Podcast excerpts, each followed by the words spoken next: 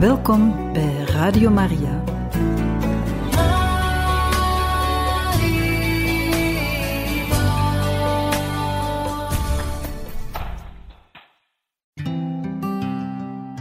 Pelgrim in eigen land. God brengen en ontmoeten onderweg. Gebracht door uw mede-pelgrim Kevin.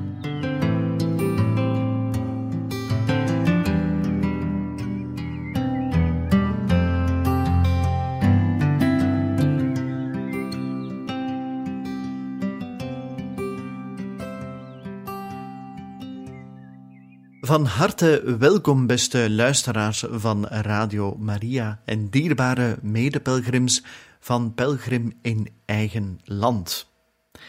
Wij staan aan het begin van onze derde aflevering van onze pelgrimstocht doorheen Antwerpen. Nu, we zijn vertrokken natuurlijk vanuit Antwerpen-Berchem en gaan nu verder. We zijn ondertussen voorbij gegaan aan de wijken waar we de Joodse gemeenschap wat hebben leren kennen, Zurenborg onder andere. Zo richting het stadspark. We zijn toen voorbij het monument gekomen dat ons herinnert aan de Holocaust, aan ook wat er gebeurd is met de synagoges in Antwerpen in die periode. En daar hebben we ook even blijven bij stilstaan om dan verder te gaan naar het Stadspark en zo naar het Maagdenhuis, waar we onder andere Joke, Robert en Maria mochten ontmoeten. Een klein overzichtje van hoe ver we ondertussen gevorderd zijn. Niet zo heel ver van het Maagdenhuis vinden we de Botanische Tuin, ook wel de Botaniek genoemd. De Antwerpenaren durven ze ook wel eens de Botaniekenhof noemen of de Kruidtuin, naar de in de 19e eeuw gebruikelijke benaming Jardin Botanique. En wat bijzonder is, dat is dat deze in alle seizoenen in bloei staat. Nergens anders in Antwerpen vind je zoveel kruiden en plantensoorten bij elkaar. En flanerend over de slingerende paadjes langs de bloemenperken vergeet je de drukke stad, terwijl ze toch echt helemaal vlakbij is. In 1825 is er reeds een aangelegde Hortus Botanicus in de Antwerpse eh, binnenstad aan de Leopoldstraat, met een oppervlakte van iets minder dan 1 hectare. Voordien was het park in het eind van de 18e eeuw een plantentuin voor de École Centrale en vervolgens de kruidtuin en later ook moestuin van het Sint-Elisabeth Gasthuis. De tuin die werd in zijn huidige vorm aangelegd door Dr. Claude Louis Sommet en ondersteunde de lessen uitwendige pathologie in de École de Médecine, een opleiding in de geneeskunde. De hovenierswoning, die men kan zien in het park, dateert van het jaar 1870. De grote toegangspoort aan de zuidzijde is ontworpen door Pierre Bruno Bourla en dateert uit 1826.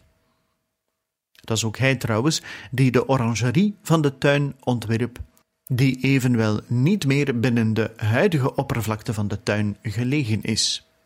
In de orangerie vindt men borstbeelden van Linnaeus en de Jusieu, dat was een eh, botanicus eh, die leefde in Frankrijk, en de namen van de L'Écluse, de Lobel, Van Sterbeek, Dodoens en Dumortier op de gevel. In 1869 werd ook een standbeeld geplaatst van de 16e-eeuwse apotheker uit Antwerpen afkomstig natuurlijk, Peter van Koudenberge, die met zijn kruidtuin een voorloper was van deze latere plantentuin. In 1878 reorganiseerde botanicus Henry van Heurk de tuin. Er werd ook een natuurhistorisch museum in opgericht, dat nadien verhuisde naar de Antwerpse Zoo. Vanaf 1926 werd de tuin en wordt de tuin beheerd door het stadsbestuur van Antwerpen. De tuin bevat een collectie van 200 planten, met in de serre een aantal cactussen en andere uitheemse planten. De tuin is trouwens dagelijks geopend. De serre blijft echter op zondag gesloten en de toegang is helemaal gratis. Een eerder recente toevoeging, hoewel 1996, is de varenhoek met de inheemse varensoorten, zoals de eikvaren, mannetjesvaren, koningsvaren, tongvaren, brede stekelvaren, steenbreekvaren en dubbeloof- en adelaarsvaren voor de plantenliefhebbers onder ons. Sinds januari 1950 is deze tuin een beschermd cultuurhistorisch landschap en sinds 2009 beschermd bouwkundig erfgoed. Zo sta ik in de botaniek. Maar ik ben hier zeker niet alleen. Ondertussen had ik de mogelijkheid, in de ochtend was dat, om een berichtje te sturen naar een goede vriend van mij die in Antwerpen woont en die deel uitmaakt van de Joodse gemeenschap. En ik dacht dat het toch interessant was om naast de algemene informatie die we reeds aan u konden brengen, om in gesprek te gaan met iemand die daadwerkelijk deel uitmaakt van de gemeenschap. En gelukkig was Toby zo vriendelijk om ons eh, te willen treffen in het midden van de botanische tuin. We zetten ons samen op een bankje en gaan met hem in gesprek. En na mijn eh, bezoek aan het eh, Maagdenhuis ben ik ondertussen in de botanische tuin gaan zitten. Die ligt eigenlijk, of grenst eigenlijk aan het eh, gebouw van het Maagdenhuis. En terwijl uh, spelende kinderen de botanische tuin uh, binnenkomen, heb ik ondertussen uh, plaatsgenomen. Ja, voor de eerste keer eigenlijk in Pelgrim in eigen land doen we iets wat we nog niet hebben gedaan. Dat is namelijk een interview op voorhand regelen. Alhoewel, zoveel op voorhand was het niet. Ik heb gewoon mijn telefoon genomen en een goede vriend van mij, die in Antwerpen, Berchem woont. En deel uitmaakt van de Joodse gemeenschap. Die is ondertussen naast mij komen zitten. Toby, dankjewel voor eh, zo eh, ja, kort dag tijd te willen maken om uh, toch enkele vragen te beantwoorden. Zou je misschien kunnen beginnen met jezelf kort voor te stellen aan onze luisteraars? Mijn naam is Toby Visser. Het is mijn plezier trouwens om hier vandaag met jou samen te zitten. Ik was heel blij om jouw telefoontje vanochtend te hebben gezien. het is altijd heel leuk om van jou te horen. En ben 30 jaar oud. Ik ben, maak deel uit van de Joodse gemeenschap. Ik heb in Antwerpen op, een privé Joodse school gezeten tot mijn 13, tot ik mijn bar mitzvah heb gedaan. En dan ben ik naar de gemeenschapsonderwijsschool gegaan. We hebben al een klein beetje verteld over de verschillende Joodse gemeenschappen die er eigenlijk zijn. Want men spreekt over de Joodse gemeenschap als een verzamelnaam, maar die bestaan natuurlijk uit verschillende uh, stromingen. Zou je ons iets kunnen vertellen tot welke stroming jij juist behoort? Officieel zijn er in Antwerpen twee Joodse gemeenschappen die een institutionele uh, omkadering hebben. De Shomrei Das en de Marsika Das. Ik kom uit de Shomrei Das. Dat is een orthodox Joodse gemeenschap die in de ogen van de andere Joodse gemeenschap iets minder uh, rigoureus is met de interpretatie van uh, de regels. Maar het is wel iets om even te doorprikken, helemaal aan het begin van het interview, om te zeggen van een klederdracht zou aantonen dat er een grote uniformiteit bestaat in uh, hoe dat ze de regels zouden interpreteren, maar dat is eigenlijk niet echt waar. Ze hebben allemaal heel gelijkaardige klederdracht, maar elke rabbijn en elke deelgemeenschap binnen de gemeenschap heeft wel een iets wat andere interpretatie en nadruk op welke regels en hoe dat zich geïnterpreteerd worden. Dus zelfs al lijkt het een beetje een monolith langs de buitenkant, intern is er een ongelooflijk niveau van diversiteit. Dus om echt te zeggen, ik kom uit deze stroming met deze manier, dat is heel moeilijk te zeggen, want zoals alle zaken in het Jodendom is het echt wel gericht op jouw familie. Hoe doet jouw familie de dingen? En dan nog verder met de families waarmee dat jullie allemaal omgaan. En dan heb je daar bijna om de officiële zaken te doen. Maar ik kom uit een familie die heel traditioneel Joods is. Dus wij hebben onze eigen versie van een Sabbat en wij hechten er allemaal heel veel belang aan. Maar om de 613 wetten tot in de puntjes helemaal te kennen en te weten, dat dan weer niet. Net zoals dat in de, christelijke wereld er mensen zijn die heel veel met de leer bezig zijn en andere mensen die eerder met de spirit van de wet bezig zijn. Mhm. Want uh, ja, de luisteraars kunnen het niet zien, maar ik ga het toch maar even vermelden. Toby is heel modern gekleed. Uh, hij is uh, niet gekleed zoals de, sommige Hasidische Joden gekleed zijn in, in Antwerpen, met hun heel kenmerkende kledij. Je vertelde mij ook reeds dat dat eigenlijk niet zozeer een religieus voorschrift is, maar eigenlijk een traditioneel iets dat is overgewaaid uit Oost-Europa. Ja, dat is wel, want de orthodoxe gemeenschap zoals wij hem vandaag kennen, de Hasidische beweging, is in termen van de tijdlijn dat het Joods zijn eigenlijk bestaat, maar een heel nieuw fenomeen. Voor ons is het ook een nieuw fenomeen. Het is begonnen in de, 19e eeuw. Dus heel het idee van deze interpretatie van het Jodendom is best nieuw. En de klederdracht, denk ik, is daar ook deel van de echte oorsprong ervan is altijd moeilijk om te achterhalen. Ik heb al veel interpretaties gehoord en ik ga ze nu niet de wereld insturen als ze niet 100% zeker zijn. Maar er is uiteraard een heel groot deel van dat echt puur traditie is van de klederdag van wanneer de beweging begonnen is. In de jaren 1800 in Oost-Europa en Rusland. Ja, vandaar dus dat zij ervoor kiezen om ook uh, door middel van hun kledij eigenlijk uitdrukking te geven van het feit dat zij behoren tot, uh, tot die gemeenschap.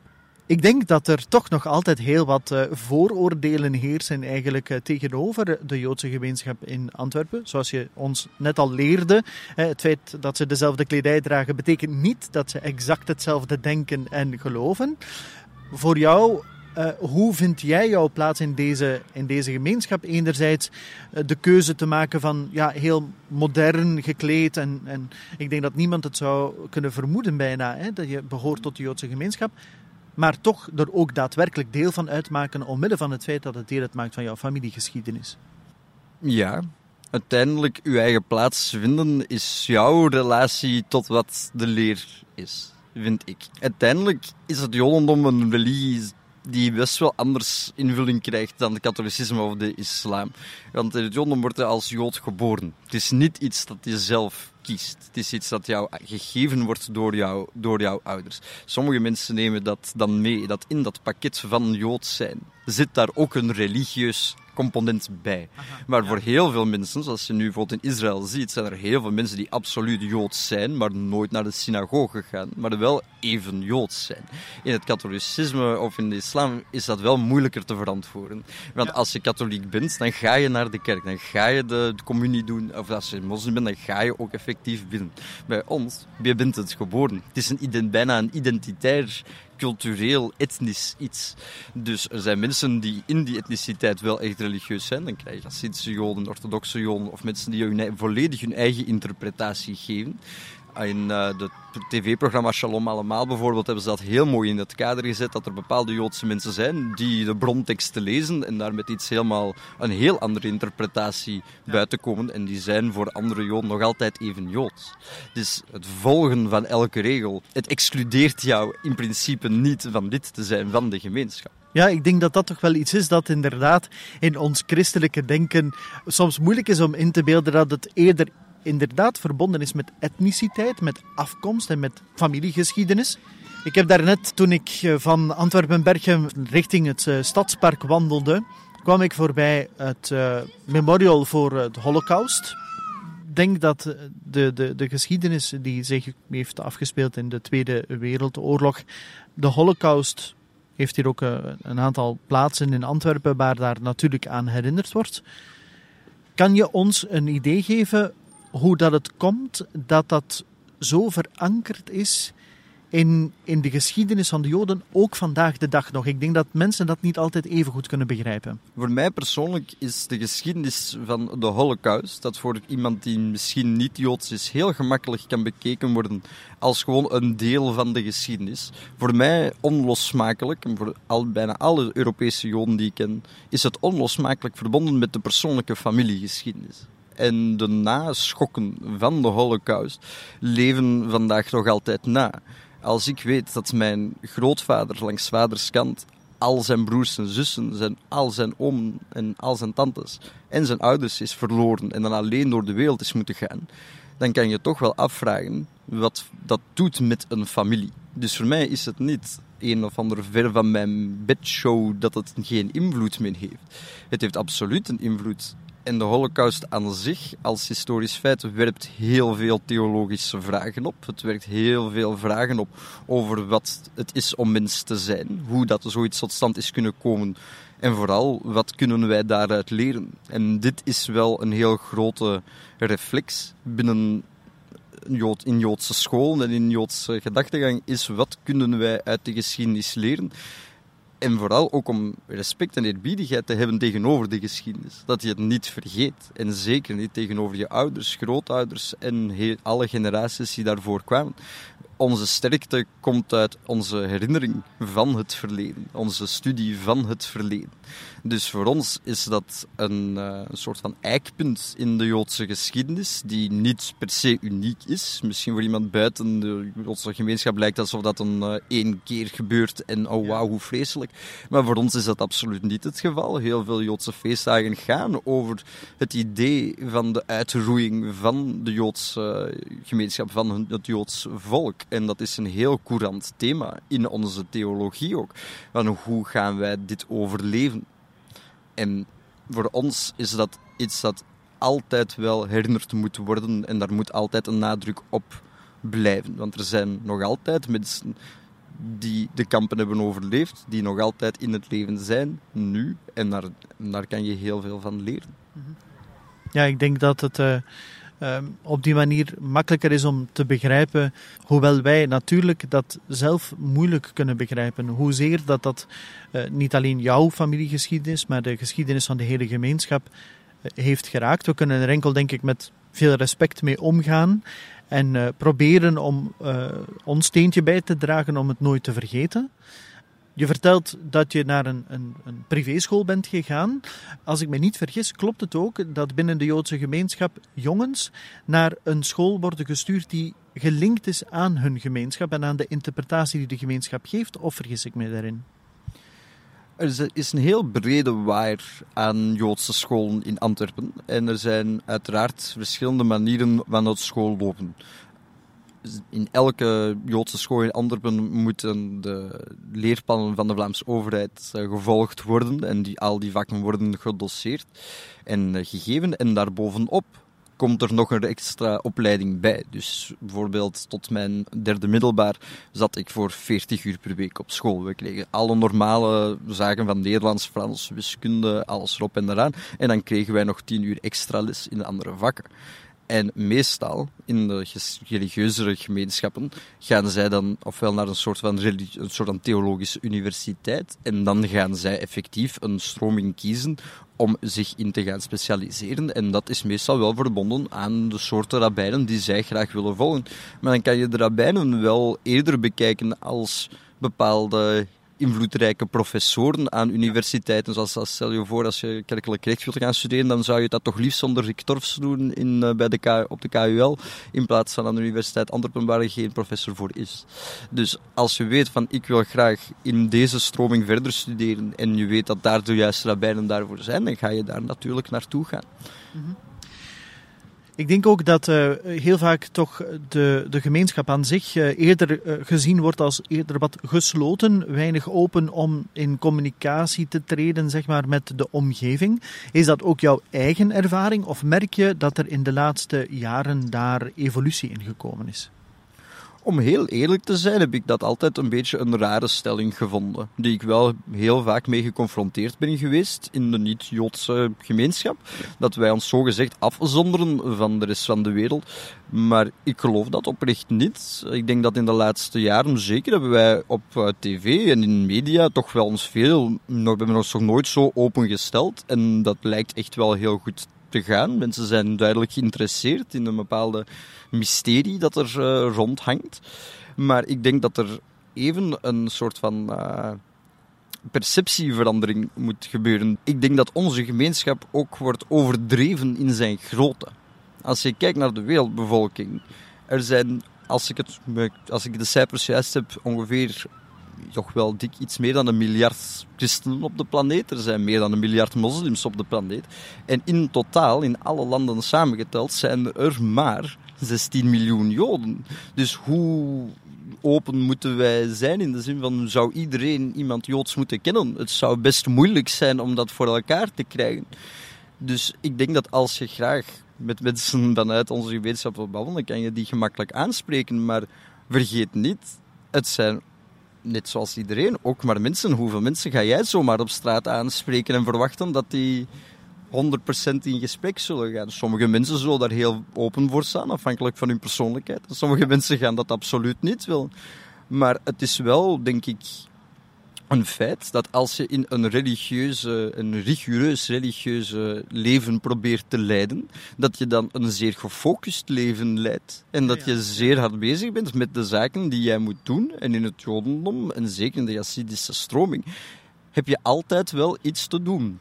heb je altijd een taak. Onze ehm, religie is gebaseerd, onze leer is gebaseerd dat er heel veel werk aan de winkel is in deze wereld. En de meeste mensen zijn er absoluut mee bezig.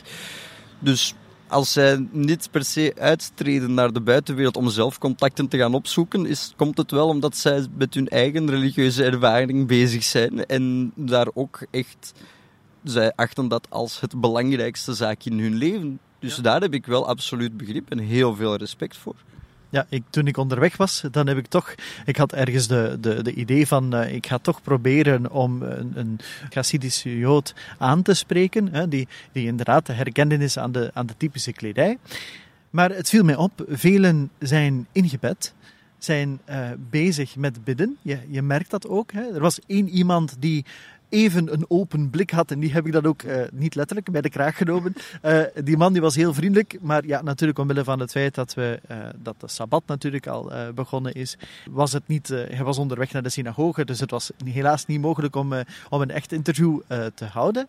Maar ik denk dat inderdaad, zoals je zegt, hè, het hangt ook af van karakter tot karakter. En toch interessant, ze hebben geen tijd te verliezen. Ik denk dat dat wel klopt, ja. En zeker op een dag uh, zoals vandaag, dat is de Sabbat, is het echt een dag om tot rust te komen. En het is een heilige dag, elke week, waar dat wij afstand nemen van deze wereld. Waar wij tot rust komen en waar wij reflecteren en de God bedanken voor de creatie zelf. En als je daarmee bezig bent, dan... Uh, is het best om daar gefocust mee bezig te zijn. We kunnen er echt nog iets van leren, daar ben ik zeker van.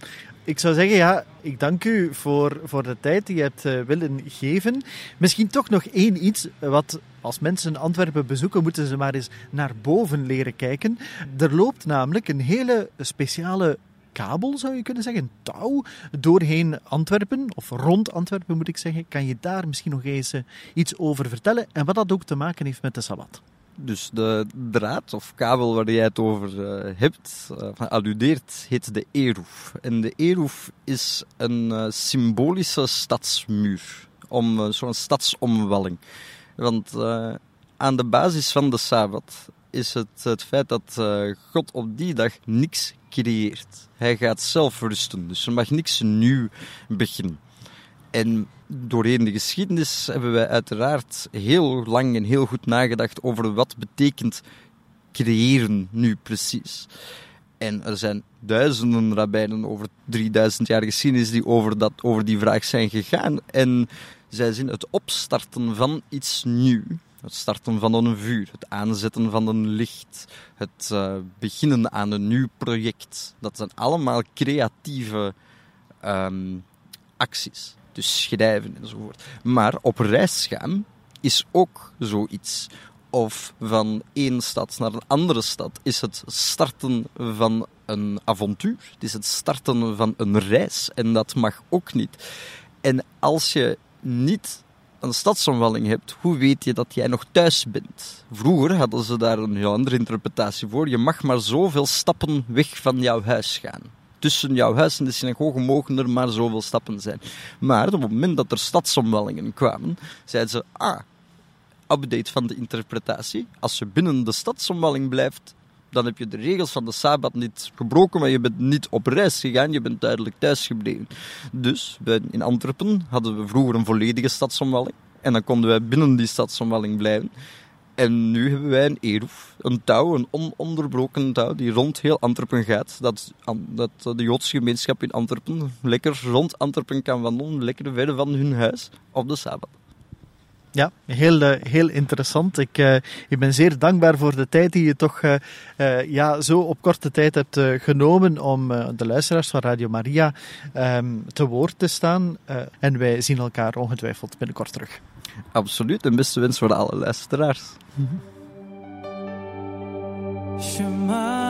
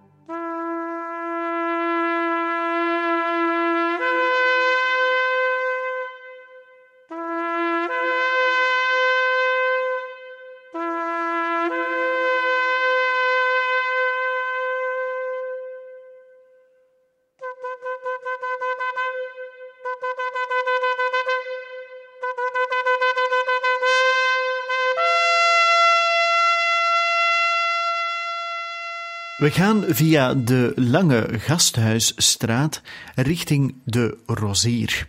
En dat natuurlijk omdat daar onze goede vrienden van de Karmel te vinden zijn.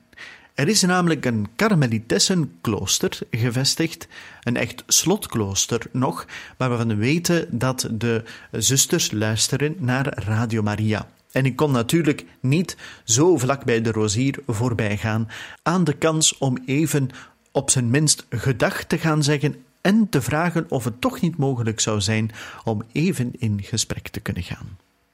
Alvorens we hier gaan aankloppen en aanbellen, toch even wat geschiedenis van deze bijzondere karmel. Die dateert van 1612. Op 6 november van dat jaar nam moeder Anna van Sint Bartholomeus en ik moet zeggen, de zalige Anna van Sint Bartholomeus, die een naaste medewerkster en vertrouwelinge was van de heilige Teresa van Avila, haar intrek in een huis in de Sint-Jacobs parochie te Antwerpen, samen met drie medezusters. In haar autobiografie lezen we daarover. In dat jaar besloot men tot de stichting van Antwerpen. Ik dacht er niet aan dat men mij zou bevelen te komen, want ik geloofde dat men dat zou vragen aan anderen meer bekwaam dan ik. Op een dag, nadat ik wist dat het de wil van de gehoorzaamheid was, heb ik het aanbevolen aan God. Ik ging te communie, en nadat ik de Heer ontvangen had, keerde ik mij in. Zijne majesteit troostte mij zoals bij andere gelegenheden. Ik heb zorgen nog last gehad, want God leidde mij in waarheid met zoveel vertrouwen en zekerheid, dat Zijne Majesteit zorg droeg voor dit klooster. Sinds ik hier gekomen ben, heeft de Heer op een bijzondere wijze van deze godsliefde en naastenliefde gebruik gemaakt. Ik voel me bijna steeds in Zijn tegenwoordigheid. Soms ben ik aangetrokken tot de naaste liefde en het goed van de naaste. Andere malen in het verlangen naar het heil van de zielen en de ijver voor de kerk.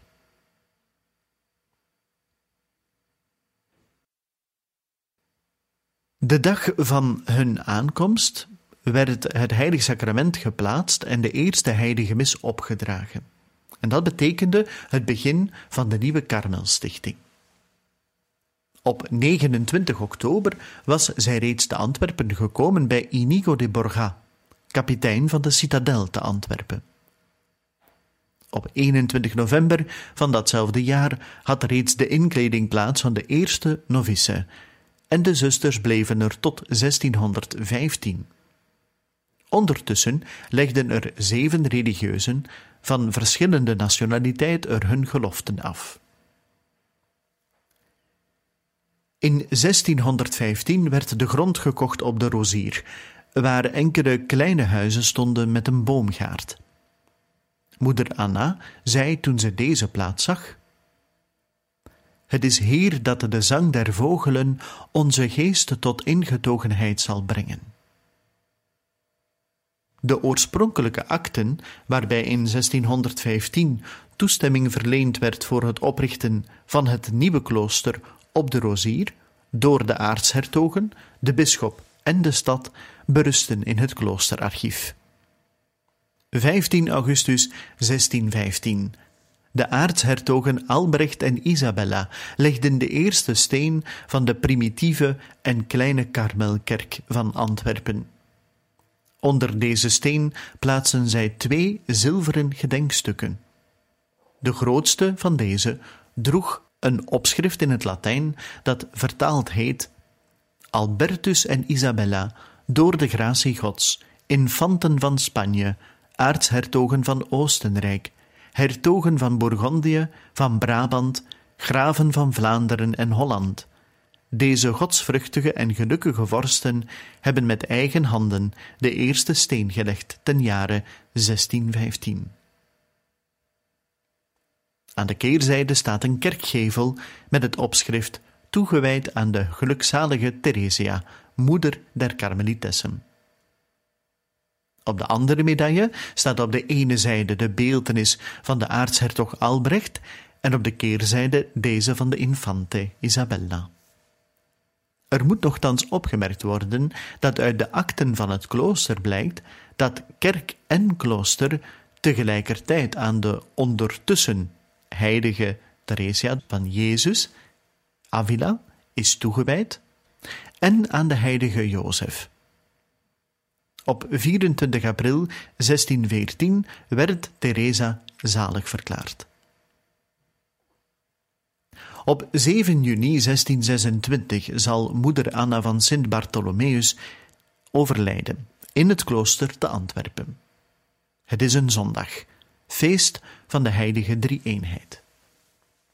Een belangrijke reliquie die bewaard wordt van de zalige Anna van Sint Bartholomeus is haar vinger, die ongeschonden gebleven is trouwens en dus wordt bewaard in de karmel van Antwerpen.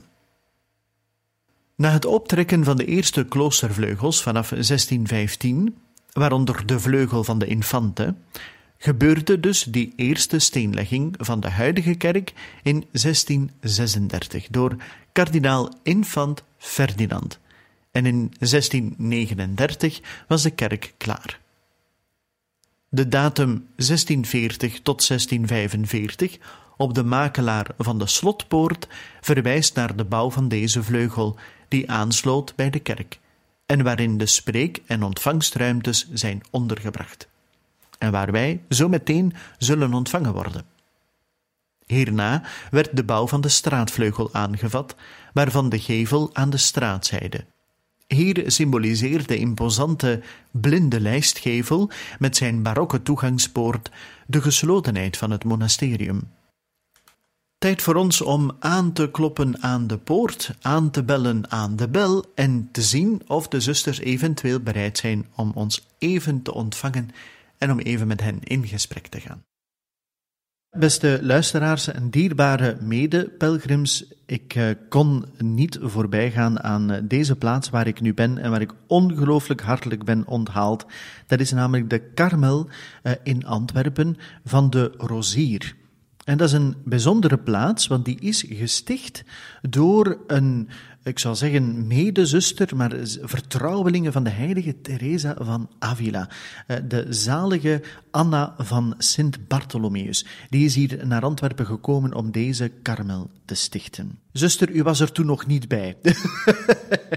Zoveel jaren heeft u nog niet op de teller. Maar mag ik vragen, eh, we zijn ondertussen hier in de spreekkamer komen zitten. We hebben ondertussen ook al van onze cappuccino eh, even kunnen genieten. Hè? Jawel, in het slotklooster eh, moet men ook kunnen genieten van hè, de goede dingen. van, zuster, ik wil graag vragen, kunt u zelf kort even voorstellen aan onze luisteraars? Ik ben zuster Maria Margaretha van de Engelen. En hier in de Karmel van Antwerpen En al vele jaren, vele jaren hier, van 1957. En ik mag het meedelen aan alle die luisteren nu. Met de dag gelukkiger, dankbaarder voor mijn roepingen. Ze is mij plots overvallen.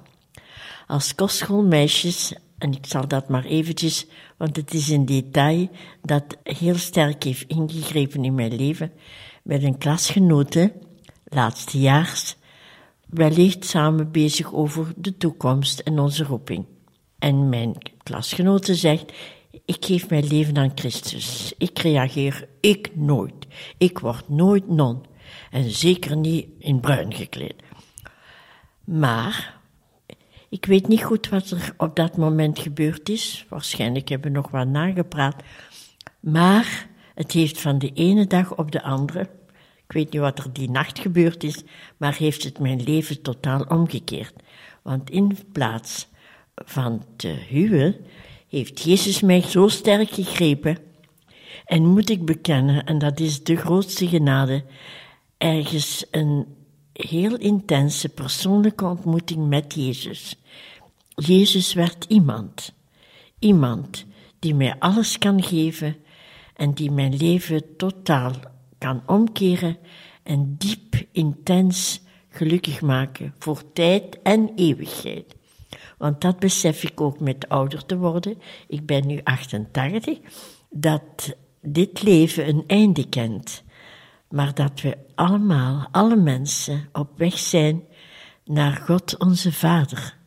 Ik, ik, ik kan niet genoeg uitdrukken hoe mij dat een basis wordt voor elke dag. Om samen te zijn, om samen te leven met mijn zusters, mensen te ontmoeten. Dat is weten we zijn allemaal, wie ook. En de priester deze morgen in de Eucharistieviering zegt, we zijn allemaal zondaars. Maar dat, dat stoort niet, dat we zondaars zijn. Het is goed dat we durven bekennen en aanvaarden. Dat heeft voor God geen belang, bij manier van spreken. We zijn allemaal zijn kinderen. Hij is onze vader. En Jezus is onze broeder, onze beminde voor mij, mijn ziel beminde. En eh, we zijn allemaal op weg naar het eeuwig leven. Maar we moeten het willen, durven, riskeren te geloven en aanvaarden. Dat vraagt een zekere kleinheid, nederigheid, dat we, dat we helemaal afhankelijk zijn en toch zo vrij. God komt ons elk moment niet zeggen wat we moeten doen of, of, of laten. Hij heeft ons zo lief. Hij heeft onze vrijheid zo lief. En daartoe heeft hij ons geschapen. Hij is zelf. Hij heeft ons ook vrij als mens aanvaard, als kinderen, als zijn kinderen. En hij, heeft ons, hij gunt ons die vrijheid. En, maar uh, we zijn samen allemaal op weg naar zijn eeuwig leven. Maar we moeten, het we moeten durven ja zeggen. Dat aanvaarden. Het aanvaarden van de liefde van God vraagt inderdaad hè, kleinheid en, en nederigheid. Hoe heeft u dat ervaren toen u binnenging in de Karmel, als u even terugkijkt op uw vele jaren in een slotklooster? Hè? Want dat moeten we toch even benadrukken, dat is toch een bijzondere vorm van roeping? Ja, ja ik denk dat het al vanuit die ervaring is, voor ik intrad, dat uh, die persoonlijke relatie met Jezus, allee, ik ondervind dat ook binnen mijn gemeenschap, dat het iets is dat daar heel sterk bij mij geweest is. En uh, waarschijnlijk hebben andere zusters, moet ik zeggen, hun roeping op een andere manier misschien ervaren. Maar dat, ik denk dat dat ook bijgedragen heeft om dat contemplatieve leven. Omdat de karmel heeft geen apostolaat, geen ziekenzorg, geen onderwijs. Dat is en vooral die, de karmel van moeder Theresia, dat is, dat is een, een, een, eh, een roeping in vriendschap, in liefde. Hè? Een, een relatie.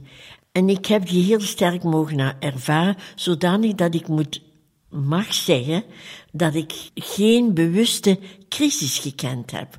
Omdat eh, zo van roeping of, of, of twijfel of, of ongelukkig zijn. Nee, juist omdat er die relatie met Jezus was. En ik heb in de, dat is misschien een sprong in mijn leven. Ik herinner me heel goed dat ik in het jaar, ik was in retraite, want wij hebben elk jaar een tiendaags retraite en dat je zo echt kluizenaar bent. Omdat de Karmel is kluizenaarsleven en gemeenschapsleven. Dat is iets uitzonderlijk voor de tijd van moeder Teresa. He? Die, die twee gecombineerd. Gemeenschap en toch, alleen ons werk en onze, ons, onze dag is eigenlijk in eenzaamheid. Wij doen ons werk niet samen. Hè? Hè, bijvoorbeeld strijken of zo. Nee, proberen in, in eenzaamheid. En uh, uh, ik heb toen, als ik in, in zo'n tiendaags retraite was, ik zie nog de plaats. Het was bij een klein kluisje. Een sterke ervaring gehad van Jezus. En dan heb ik van hem een nieuwe naam gekregen. Ja, Jezus. En jaren was dat heel intens met wat ik bezig was, wat me wat moeilijk was, of, of, of, dat me strijd kostte. Hè? In relatie was meestal in communiteit. Hè? Ook in eenzaamheid, maar minder. Hè? Dan was altijd mijn antwoord, ja, Jezus. En dat bevrijdde mij zo sterk. Hè? Dan kon het dan kon ik daarover stappen. En, en, en ik heb een geweldig temperament en, en, maakt het, maakt het, gisteren of weer gisteren was het, maakt het soms mijn zusters heel moeilijk. Hè, maar dan, eh, eh, dat aanvaarden, dat ik weer al gevallen was en, en te geweldig geweest. En dan, ja, Jezus, dat in nederigheid, in ontlediging aanvaarden. Dat is heel sterk. En, en nu mee ouder te worden, krijgt dat weer een nieuwe een stimulans, een stoot zo. Hè? Om je wordt ouder, je kunt minder, je bent beperkt. En nu met mijn, met, even met mijn val. Hè? En, dan, en toch kunnen zeggen, ja Jezus, heel bevrijdend. Heel bevrijdend. Ja, we moeten het even zeggen. U, bent, u ziet eruit als een, een, een vogeltje dat zo een, een vleugelke gebroken heeft. ja, dus, de val was waarschijnlijk niet om mee te lachen, maar een, een, een, een, sleutelbeenbreuk. Hè? Dus dat, uh, gelukkig heeft u niet veel pijn, zei u, maar het beperkt u wel natuurlijk in uw bezigheden. Dat wil zeggen dat je af en toe moet laten doen. En dat is niet zo gemakkelijk, hè? Nee, nee, je kunt denken van van top tot teen. Hè. Ik moet niet in detail gaan en dan moeten ze als, ze, als ze een beetje stil worden en ze denken eventjes na wat dat, dat is, als je je twee armen en handen niet hebt, hoe dat je, ja, maar, allez, ik heb die val niet gewild, ik was waarschijnlijk wel te wild weer al, hè, plof tegen rond, maar uh, het, het, het kon rap en, en de lastig u medezuster aandoet en uw gemeenschap. En, en je kunt je, het communiteitsleven hè, gewoon aan de nom was. En, en er is zoveel dat je niet meer kunt. Maar weer dat ja Jezus kunnen zeggen. Hè? En mogen zeggen. Niet dat je die val gewild hebt en die last aan de communiteit, maar als bevrijding voor jezelf. Ja, Jezus. En toch is dat ergens uw weg en uw wil. Vervolgens kwam er een moment waarop de zuster even vanuit een wat persoonlijker beleving wou getuigen over de manier waarop God, als het ware, kan ingrijpen in het leven, maar vooral hoe we Gods wil kunnen leren aanvaarden in het leven. Ik was, eh, want ik ben priorin eigenlijk, en met mijn leeftijd en zo, ik was eigenlijk heel uitgeput moe. Ik weet niet van wat. Was het toch een stuk covid of zo? Ik weet niet, was, ik was uitgeput. En ik moest aan Jezus zeggen, eigenlijk, ik ben uitgeput. Ik, ik moet eens een beetje tot rust kunnen komen, praktisch, concreet. Maar dat is, we zijn maar met negen. 94, 82, 85, 88. Dan zuster Maria, een Japanese, wordt 60. Maricel 59, Mary Jo 50, maar heeft heel veel werk. Hè? Economaat, keuken. Hè? En dan John, ook, eh, dat zijn er drie uit dezelfde communiteit van Naga in de Filipijnen. Heel goed, heel goed. Maar John is met verlof, drie maanden. Dus die viel er ook. En, en dus, eh, zeg ik, hoe is het mogelijk dat ik nu nog val? En, en ik ben nogal actief en, en, kan nog veel, dat, dat ik nu moet vallen. Maar Jezus, jij weet waarom. En nu zeg ik, ja, hij gaf me de kans, maar ik kan het zo zeggen aan nu. Hè. Hij gaf me de kans, en wel, nu krijg je kans om uit te rusten. Het is gek dat je dan moet vallen, hè? En dat je een last bent voor de tijd. En toch, want dat was het enige middel om mij te doen uitrusten, want anders zou ik het toch niet gedaan hebben. Ja, het is inderdaad eh, persoonlijk, maar ik denk dat het wel belangrijk is om het, eh, om het ook te laten, te laten horen. Waarom? Om, omdat ik ervan overtuigd ben dat er mensen nu luisteren die geconfronteerd worden met van alles en nog wat, en die juist bemoediging kunnen halen. En allee, eh, ik denk als je kunt leven vanuit Gods liefde en zijn wil is altijd een wil in liefde. Hij wil niet het, het slechte, het boze, het, het moeilijke. Hij wil het, maar, ja, hij wil het moeilijk niet, maar eh, dat is onze levensweg. En dat gezegd, je kunt in alles toch Gods wil durven zien en kunnen zien en mogen zien en bijna moeten zien, want hij weet waarom. Hij weet waarom. Dat is nu een detail, maar je zegt, dat is, de, dat is de een, het enige middel dat hij had om mij te doen echt rusten. Met armen en voeten en armen en alles. Het doet me toch een beetje denken aan de passage uit de schrift waar staat, hè, je, zult, eh, je zult geleid worden naar een plaats waar dat je niet wilt gaan. Hè. Ik denk dat het eh, soms met de leeftijd, zeker, hè, als je bepaalde dingen moet afgeven, dat dat juist op uw weg kan, kan komen. Dat lijden dat u nu een stukje ervaart, hoe gaat u daarmee om? Hoe gaat u om met lijden? En zou u misschien iets kunnen meegeven vanuit uw ervaring aan onze luisteraars voor zij die het daar moeilijk mee hebben? Hoe je omgaat met lijden. Ja, ik, denk dat ik altijd op hetzelfde neerkom. Ik, ik zeg dat ik was, Jezus, gij zijt mijn al ene levensbron. Hè? De bron waaruit ik kan leven. En als we naar Jezus opkijken, wat ook, in Hem vinden we alles volbracht. Ook het lijden. Hè? Ja, heel ons leven is niet lang genoeg om dat, om dat leven en dat lijden van Jezus mee te maken, te doorleven, bewust te worden. En ik heb deze dagen, dat ik zeg, en dat Jezus, en dat. Maar hij heeft alles doorstaan. Vanaf eigenlijk zijn menswording, van, van eeuwigheid in Gods gedachten.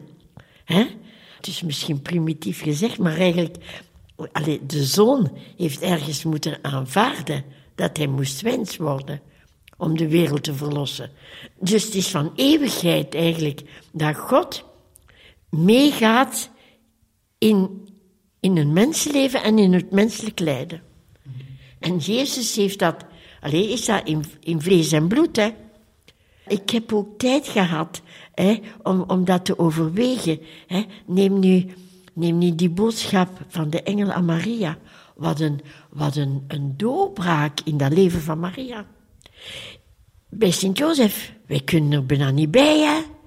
Wij, wij, wij kunnen die diepte en die volheid van, van dat gebeuren, alleen maar die, die boodschap van de, en Maria zei, en Maria kon de vraag stellen, hoe moet dat gebeuren? Hè? Ze heeft niet gezegd, ja maar, ze heeft niet gezegd, nee, dat doe, daar ga ik niet in mee. Ze, hoe, hoe moet ik erin meewerken, hè? Misschien is dat wel een interessante gedachte. Hoe moet ik meewerken in mijn lijden? Hoe zegt u? Lijden kan ook een, een, een werk zijn aan zich, zou je kunnen zeggen. Een opdracht die Jezus geeft. Denk, als je, als je God in je leven laat en Jezus in je leven laat en Maria en alle heiligen, dat je zegt, ja, dat is de weg. Dat is, dat is, dat is de, de weg van het menselijk leven, want het is er eigenlijk volgaan. Ja, een vrouw die een kind ter wereld men zegt, dat is telkens haar, haar, haar, haar sterven, haar doodgaan. Heel het mensleven is dat maar. Zijn er, zijn er veel schitterende momenten? Bij schatrijke mensen, ik weet het niet. Bij schatrijke mensen die, die, die een kasteel hebben en, en een vakantie. Ik weet het niet. Ik, ik heb er geen ervaring van, maar, maar, maar zouden die niet veel aan ongeluk en, en, en ongemakken voelen en, en vandaag dit wensen en niet gebeuren, zal bij iedereen zijn. Hè? Dat denk ik ook, zuster. Ah, ook al heb je, zo gezegd alles, maar ik zou eens willen weten met een, schatrijke mens, of dat hij, als hij zijn hart uitspreekt, hoeveel dat er misère is. Hè? Denken aan de huwelijken en, en, en de kinderen die, die ofwel schitterende studies doen, maar, maar voor de rest hun gang gaan. Er is zoveel hè, dat je eigenlijk niet hebt zoals je het wenst. Ik denk dat dat inderdaad uh, dat dat, uh, zo is. Zoals mijn wens zou zijn om hier gewoon een paar uur nog verder met u ja. te spreken, maar ik, mijn weg ja. roept. Um, ik moet mijn, uh, mijn weg, mijn pelgrimsweg verder zetten. Maar misschien, als u een boodschap zou geven aan de luisteraars, welke zou dat zijn? Ja, ik heb, ik heb dat eigenlijk geschreven, maar het ligt hier niet meer. Hè. Ik heb dat bij de kerstwens. Probeer het van buiten te doen. Wat wensen wij als zusters Karmelitessen aan de mensen, aan onze vrienden, familie, aan alle mensen die onze wens ontvangen? Wat is onze grote wens? Dat zij Jezus meer en meer mogen leren kennen als mens geworden woord, dat hij is geworden tot heil, tot bevrijding, tot geluk van alle mensen. Dat is onze hartewens. Dat eigenlijk de mensen Jezus meer en meer mogen leren kennen als, als de vriend voor hun levensweg, als, als de trouwe gezel, als het houvast, hun levensbron voor elke dag met lief en leed. Dat de mensen weten dat wij niet in dat besloten, geborgen leventje leven, maar dat wij eigenlijk, allez, ik toch persoonlijk, kan ik van mezelf getuigen, voortdurend in alles, wereldwijd. Wij hebben dat goddelijke officie, hè, die psalmen, hè, daar komt alles in. Van lief en leed, van vreugde, van klacht, van klagen, van aanklacht naar God toe. En dan zeg ik voortdurend, en dat is in naam van alle mensen. Ik, eh, bij het opstaan, maar vooral van twintig voor zes, als we aan de laude beginnen en de psalmen en de korte lezing bij Paulus, hè, schriftlezing. Heel de wereld is al bij ons geweest. Heel de wereld. Een, een, een magnifiek leven, hè. Absoluut, ja. Oh. Ja, een magnifiek leven. Zeg dan maar, zeg dan maar goed aan de mensen. He? Maar, daar zeg ik er ook altijd bij, ons leven kunnen alle mensen beleven waar ze en hoe ze ook zijn. Dat hoeft geen onderwijs, dat hoeft, dat hoeft, allez, als uw roeping daar niet ligt, hè, prachtig, maar als uw roeping daar niet ligt, ons leven, biddend leven, contemplatief leven, kan overal geleefd worden. Mensen in eenzaamheid, in rolstoel, in de grootste misère, overal kan geleefd worden.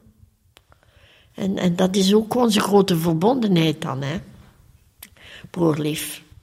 Ja, zuslief zal ik zeggen, want uh, dat is toch echt wel, uh, uh, deze ontmoeting ga ik, ga ik zeker ook zeer sterk bewaren in mijn hart. Ik dank u ook voor uw gebed, voor Radio Maria, voor de luisteraars, ook voor mijn persoonlijke intenties heel graag, zuster. Wij bidden ook zeer zeker voor jullie. Ja.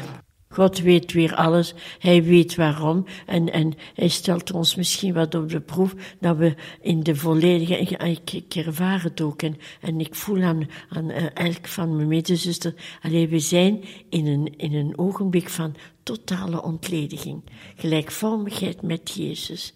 En daaruit komt de verrijzenis en het nieuwe leven. En, en, maar dus telkens een acte van geloof, overgave, vertrouwen, hoop en, en moed.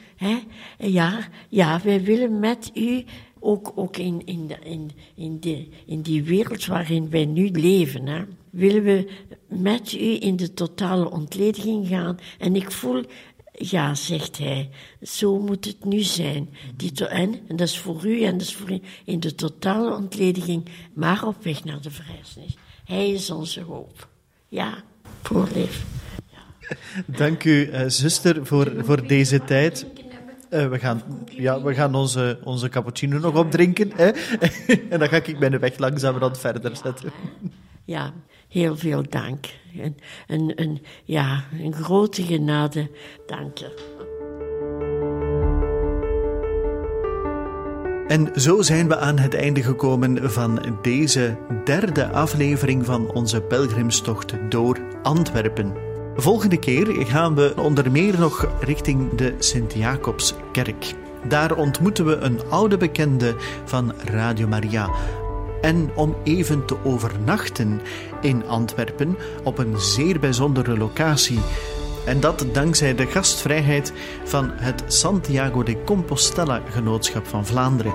Dat ontdekt u nog allemaal in onze volgende tochten wanneer u ook uw wandelschoenen opnieuw aantrekt. Ik dank u alvast om helemaal tot aan de Rozier meegewandeld te zijn en dan kijk ik er naar uit om u opnieuw te treffen bij een volgende aflevering van Belgrim in eigen land. Graag tot dan.